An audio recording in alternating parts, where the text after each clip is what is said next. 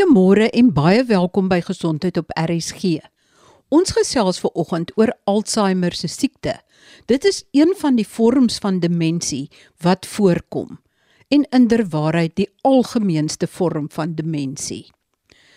My gas vandag is professor Renate Skooman. Sy is hoof van die MBA in gesondheidsleierskap aan die Universiteit van Stellenbosch se bestuurskool. En ek gesels vandag met haar in haar hoedanigheid as 'n psigiater. Professor Skuman, hoe algemeen is Alzheimer en die ander tipe demensies?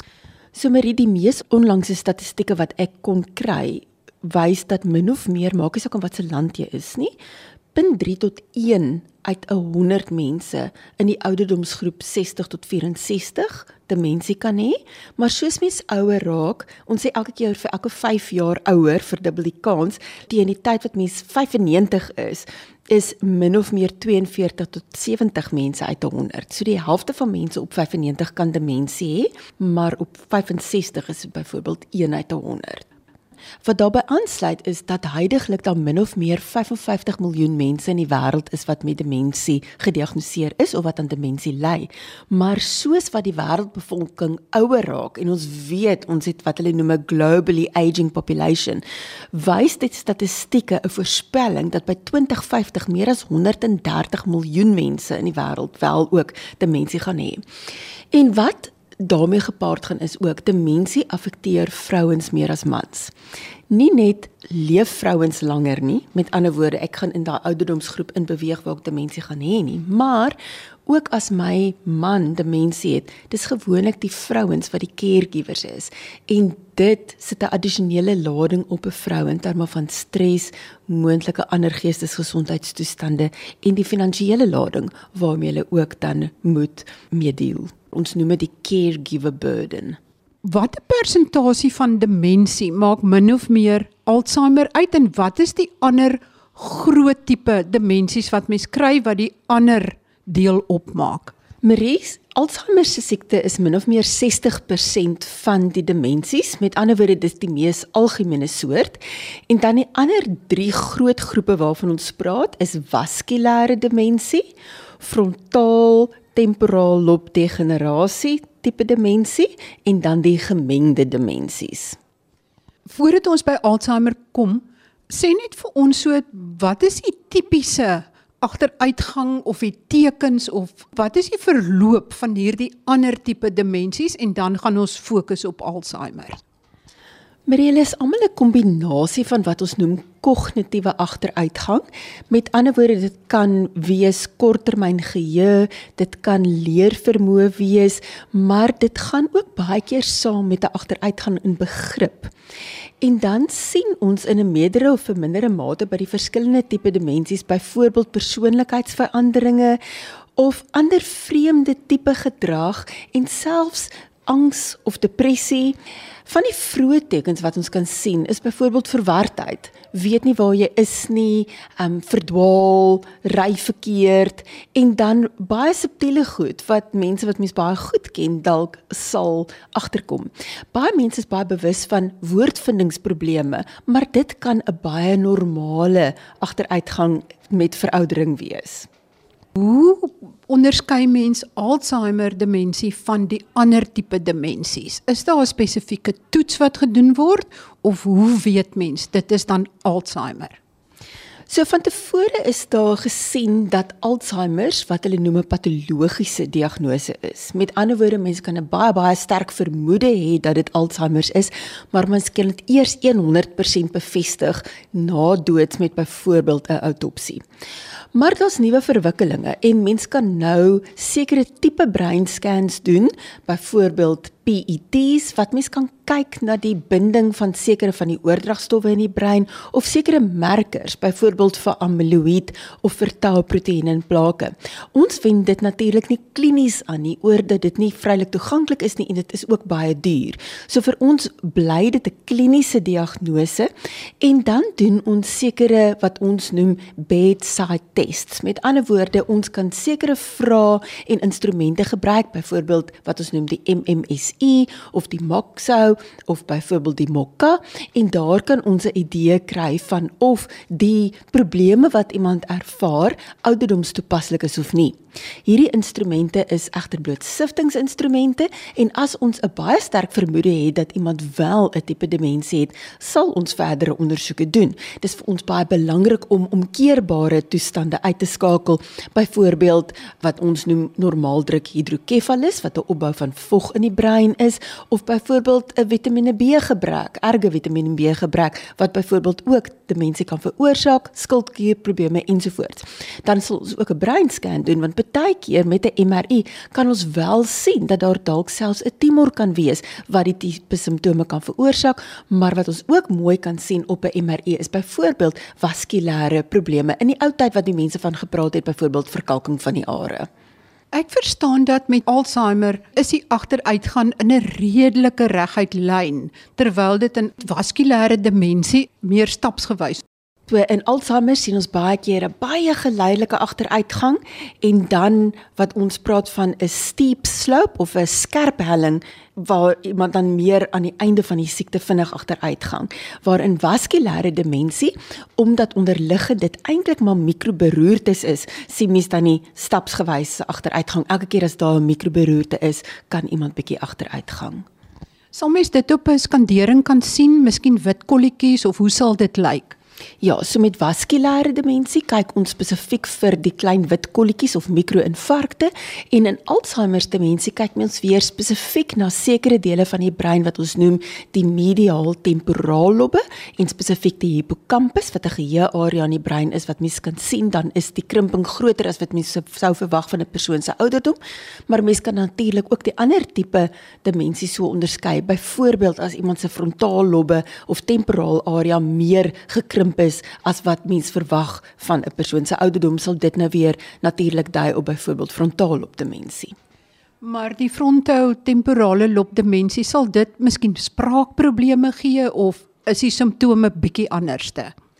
Neuroloë is baie goed om te onderskei tussen die tipes demensie en die probleem is oor dat mens baie keer gemengde episode skryf. Iemand met frontaallob tipe demensie sal meer persoonlikheidsveranderinge kry of begripsveranderinge dalk vroeër as iemand met Alzheimer wat weer meer primêr met die korttermyn geheue-inkorting aanvanklik presenteer.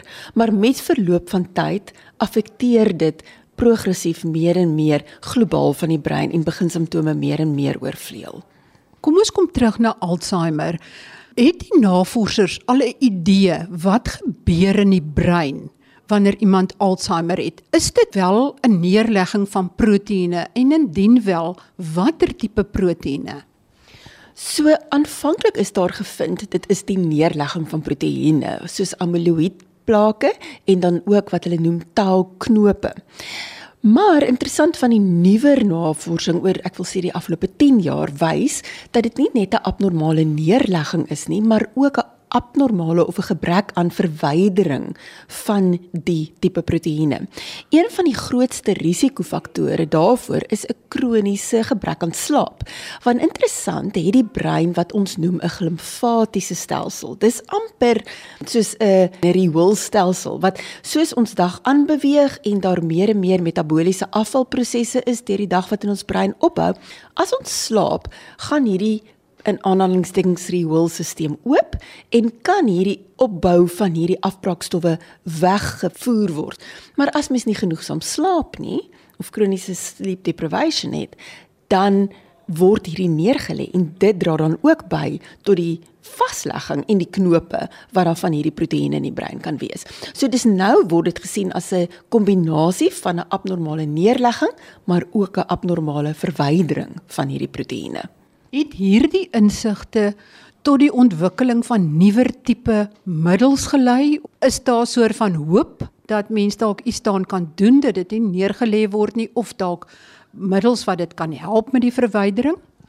Dit is interessant, daar is definitief meer onlangs nuwe dieper intervensies waarna gekyk word, maar meer en meer besef ons die belang wat hulle noem 'n neuroreserve. Met ander woorde, hoe beter jy na jou brein kyk vooraf, hoe beter. Met ander woorde, gesonde leefstyl, genoegsame slaap, gesond eet, beheer risikofaktore soos bloeddruk, suiker siekte, oorgewig, En dan natuurlik education. Dit is een van die beste goed as jy jou brein aanhou stimuleer, maar ook hoe verder iemand geleer het, dis asof daar net meer reserves in die brein is wat dan kan verhoed dat mens kliniese simptome kry. So mens kan die onderliggende patologie hê, maar nie noodwendig dan simptome ontwikkel nie. In terme van om die patologie aan te spreek, is daar 'n paar nuwe verwikkelinge. Ek het nou onlangs na die literatuur gekyk en dit is regtig nou tot einde Augustus. Is daar spesifiek 4 nuwe goed waarna die navorsing navorsers kyk veral in Amerika. So tot nou het ons gekyk na om die oordagstowwe in die brein ek wil amper sê te boost, dit te stimuleer. Byvoorbeeld cholinesterase inhibitore wat mens na kan kyk wat algemeen op die mark in Suid-Afrika beskikbaar is.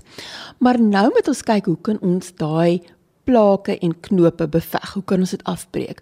Een van die goed waarna die navorsing kyk is dan immunomoduleerders of wat hulle noem monoclonal antibodies en daar is 'n produk wat onlangs bemark is en dit is 'n produk wat intraveneus toegedien word elke 2 weke, maar daar is ook risiko's aan verbonde en dan is daar nog nie langtermynstudies nie.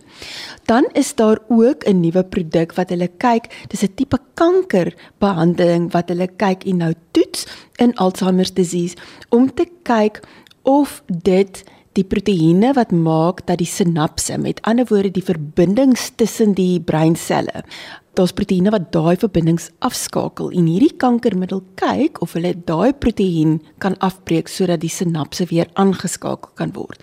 En dan kyk hulle ook na die derde tipe medikasie wat nou in navorsing is, kyk of hulle kan keer dat die amyloïd in die tau die knope in die plake vorm en hulle praat dan van produksieblokkers en daar praat hulle van beta en gamma sekretasie inhibitors. Maar dan is daar ook interessante goed wat hulle kyk na vaksines om te kyk of ons taal se vorming kan blok en ook om onderliggende breininflammasie aan te spreek. En een van die goed wat hulle na gekyk het is byvoorbeeld insulien.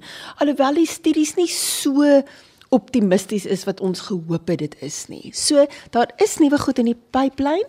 Daar's definitief nog nie 'n cure nie.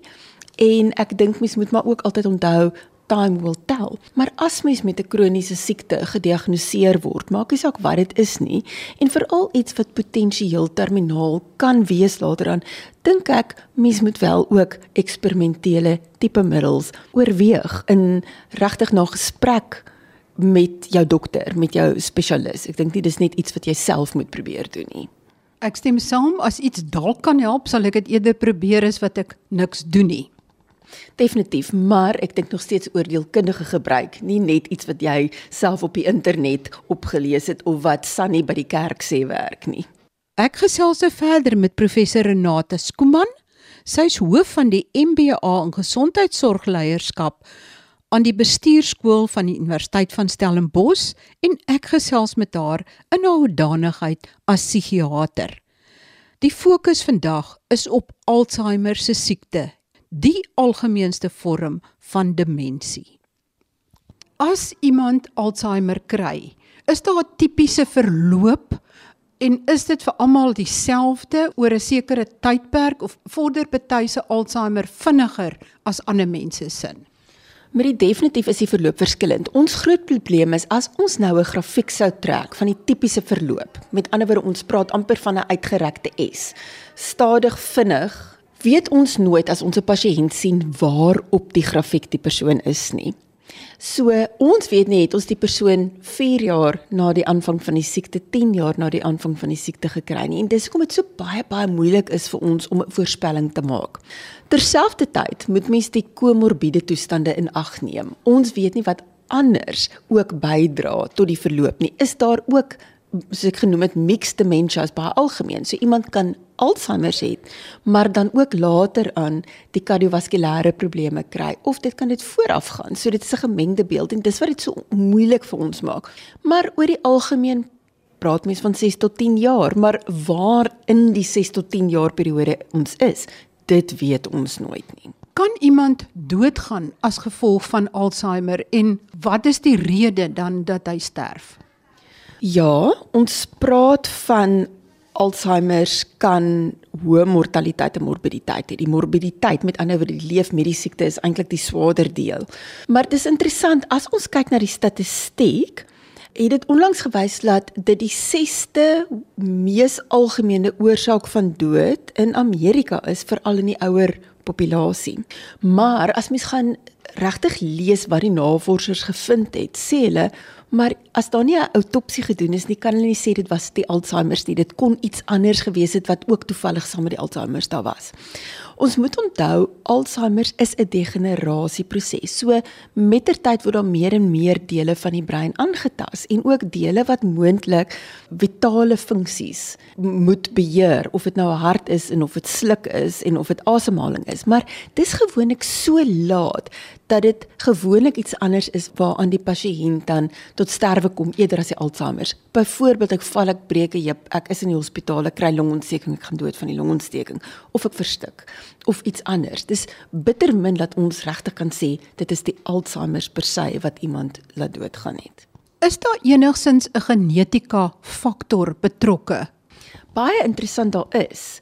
Maar wat die genetika wys is dat daar 'n verskil is tussen mense met vroeë aanvang Alzheimer, wat ons bedoel voor 65 jaar en mense wat later aanvang Alzheimer het na 65 jaar. En dis twee verskillende genes. Die laat aanvang Alzheimer word geassosieer met die APP geen dis 'n amyloid precursor protein en dan ook met die gene vir presenilin 1 en 2. En dit word baie sterk geassosieer met 'n familiegeskiedenis. Maar dis nog steeds net teenwoordig 'n minder as 0.5% van mense met Alzheimer. So dis geweldig skaars. As ons kyk na die later aanvang Alzheimer, met ander woorde na 65 jaar, is as jy die APO begin het en spesifiek die epsilon 4 alleel, met ander woorde dis 'n mutasie op die ApoE4 geen, dan het jy 'n 3 keer verhoogde kans om Alzheimer te kry. Maar dit het te doen met die regulering van cholesterol en dan ook jou amyloïd. Maar weer eens baie mense dra hierdie geen en gaan nooit Alzheimer kry nie. So ons doen nie oor die algemeen rotine genetiese toetse om te bepaal of mens gaan Alzheimer kry of nie. Maar as iemand 'n baie sterk familiegeskiedenis het, sê net maar daar's 'n ma en 'n ouma en 'n oom en 'n tante wat almal vroeë aanvangs Alzheimer het, dan kan mens daarvoor toets. Ons dilemma is nou, so what? Nou ek geen wat doen ek nou? Wat kan ek doen? Op hierdie stadium is dit maar meer goed, ek weet nou ek hierdie geen, miskien kan ek beter beplan vir die toekoms, maar ek kan nie nog dit omkeer nie. En ek dink dit is altyd 'n etiese vraag. Is dit reg om vir iets te toets om vir iemand slegte nuus te gee, maar jy kan nie eintlik iets daaromtrent doen nie? Is daar 'n moontlikheid dat mens kan keer dat jy Alzheimer kry?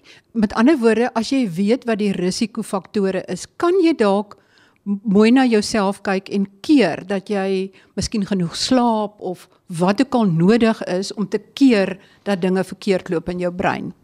So ons kan nie dit voorkom en verhoed nie. Ek dink elke een se paadjie is vooraf bepaal ook. Maar as mens jou risikofaktore kan aanspreek, kan jy die verloop van die siekte beïnvloed en jy kan miskien wanneer die vlak van simptome kliniese belang, met ander woorde sodat mens gaan inkort bereik, kan mens uitstel. En dis eintlik die groot ding. Ons wil die hele aanvang van kliniese simptome so laat as moontlik hê. Ons kan nie noodwendig die patologie verander nie. Nou die kliniese simptome soos ek vroeër genoem het, het te doen met ons neurokapasiteit of ons kognitiewe reserve. Met ander woorde, definitief as ek my brein gestimuleer hou of soveel as moontlik swat vroeër in my lewe of na education kyk, maar dan ook nie onaktief wees nie, nie oorgewig wees nie, seker maak ek hanteer as ek suiker siekte het dit baie goed of probeer dit voorkom selfs met hartprobleme, bloeddruk, al daai dinge wat mag gaan oor 'n gesonde leefstyl. Dit wat ons weet ook ander siektes kan voorkom, is absoluut noodsaaklik. Die een ander ding wat ek moet noem as 'n psigiater is depressie. Depressie is 'n risikofaktor vir Alzheimer en dit gaan te doen met die inflammasie in die brein. So dis so belangrik dat as iemand depressie het, dat mens dit moet optimaal behandel. En optimaal behandel beteken nie net ek moenie depressief wees nie, ek moet seker maak ek behandel ook die kognitiewe simptome, die sukkel met konsentrasie, besluitneming ensovoorts. So depressie moet goed hanteer word en dis ook hoekom dit so belangrik is dat mense nie self hulle depressie medikasie moet ophou gebruik nie, want elke keer as jy 'n terugval het, is die inflammasie in die brein meer en kan dit bydra tot 'n risiko vir demensie. Met ander woorde, jy kan eintlik iets doen deur baie goed na jouself te kyk. Ja, weer eens soos ek noem, mens kan nie die patologie noodwendig verander nie. Ek dink amper die enigste ding wat jy in patologie kan verander is as jy inflammasie kan voorkom en as mens genoeg slaap, want dan kan daai plake weggewas word. So ek dink verby is die tyd wat mense kan sê ja, ek's op die piek van my karier en ek het net 4 ure slaap nodig. Dit gaan jou later byt. Jy moet nou genoeg slaap of jy dink jy het dit nodig of nie. So dit kan mens dalk doen in terme van die patologie van Alzheimer, maar in terme van om die kliniese simptome uit te stel, is daar nogal baie goed wat ons kan doen en dit gaan oor selfsorg. Is daar 'n verband tussen Alzheimer en ander tipe neurologiese siektes? Jy het nou genoem van depressie, Parkinson se siekte, enige iets anders wat dalk daarmee saamgaan of So weer eens, as ons praat van mixed demensies, dan kan mens Parkinson tipe demensie ook kan ook saamgaan met Alzheimer. Ja, mens kan meer as een diagnose hê. Parkinson tipe demensie word egter meer algemeen gegroepeer onder die frontaal temporaal loop tipe demensies en die tipe simptome wat jy kry en dan noem ons dit Parkinson's plus. Met ander woorde, dit is nie net die motoriese goed wat ons kry nie, maar daar is dan ook veranderinge in die brein. Daar's ook ander tipe Parkinson's plus simptome wat ons noem byvoorbeeld frontaal loop degenerasie, um en multisystem atrophy wat baie motoriese simptome vir pasiënt ook veroorsaak. So hulle kry nogal fisiese inkorting ook, nie net die kognitiewe inkorting nie. Kan 'n skielike skok, sê maar 'n vrou wat haar kind verloor, haar volwasse kind verloor, kan dit haar amper in Alzheimer inskok? Wat mens wel vind is as iemand in akute trauma of rou is, kan daar baie dinge verkeerd gaan emosioneel en kognitief. Gewoonlik is dit net 'n tydelike ding, maar ons sien dit tog in kliniese praktyk dat daar met so geweldige trauma skielike agteruitgang kan wees. Maar dis ook moeilik om te onderskei. Sê nou maar dis 'n eggenote wat tot sterf kom. Het die eggenote dalk vir die simptome wat die pasiënt reeds mee sukkel gekompenseer?